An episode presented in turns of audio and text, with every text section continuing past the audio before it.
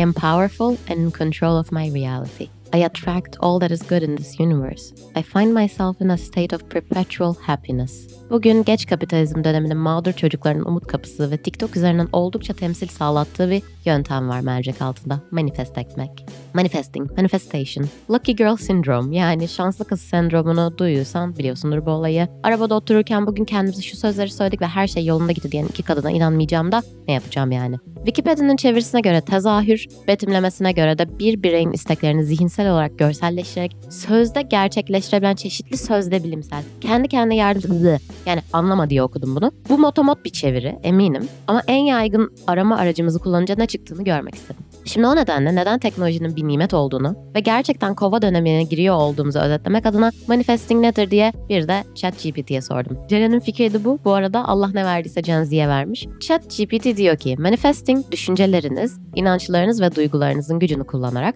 isteklerinizi ve niyetlerinizi gerçekliğe dönüştürme pratiğidir. Ve ayrıca bu pratik çoğunlukla düşünce gücümüzün ve duygularımızın gerçekliğimizi yaratma gücüne dayanan çekim yasasına dayanırmış. Bence mantıklı. Peki bu benim de TikTok algoritmam sayesinde sürekli içinde olduğum durum, manifesting yani, neden popüler oldu? Konu bugün elbette yeni nesil spiritüalizme, anksiyete bozukluğuna, kapitalizme, jenerasyonlara, Instagram'a, algoritmalara falan bağlanacak. Çünkü neden olmasın? Nasıl mı dinle işte diyerek bölümü özetleyebilirim. Çektiğimiz en güzel bölümlerden biri. 777. Karma is real. İki beyaz kadının Lucky Girl Syndrome diyerek kapitalizmi denklemden çıkarmasına izin vermeyeceğiz. Suçu ona yükleyeceğiz. Popüler oldu neden soruyorum.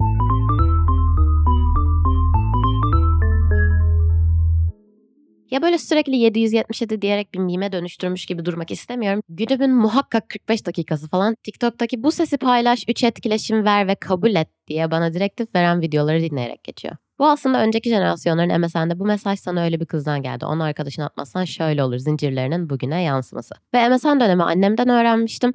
Zamanında bunu mektup göndererek de yapıyorlarmış. Hiç anlam verememiştim çünkü pul başına para falan veriyorsun yani. Yani gerçi biz de internete para harcıyoruz ve paradır sonuçta ama yani bilmiyorum yine de. Şimdi ChatGPT bazı insanlar manifestingin gücüne inanır ve hedeflerine ulaşmak için bir araç olarak kullanırlarken diğerleri daha kuşkucu yaklaşır ve bunu bir tür dilek düşünce veya sihirli düşünce olarak görürler diyor. Yani iki cinsiyet vardır onlarda bunlar. Neyse neden mi popüler oldu bu konu? Çünkü özellikle Türkiye'de siyasal İslam'la büyümüş olmak diye bir şey var. Onun detayına 14 Mayıs'tan sonra gireceğim ama bu Silivri soğuklu şakası gibi bir yerden gelmiyor. Sonra gireceğim çünkü uzun mevzu ve içeriği boşa harcayamam. Şimdi asistanım ChatGPT'ye sorup konuyu detaylı incelemeden önce Instagram'da arkadaşlarıma sorduğumda ne yanıt aldığımdan bahsedeceğim. Sadece yanlış cevaplar verin yazmama rağmen mentorum Arda Erel şöyle demiş. Neoliberalizmin yarattığı çaresizlik hissine karşı bir savunma mekanizması olduğu için. Aynen öyle. Yasemin İpek yani Avrupa yakası uzmanımız. Çünkü inanmaya ihtiyacımız var demiş. Var da karşılığını göremiyoruz kapitalizm yüzünden işte. Kadim dostum Berk Çavdarsa 2000'lerin başında Ferrari'sini satan Bilge ile beraber popüler olan The Secret kitabının kapağını atarak konuyu bitirmiş. Şimdi neden popüler oldu, neden sürekli kapitalizm eleştirisi yapıyor diye soran varsa diye Türkiye Atacığımın yorumunu da ekliyorum.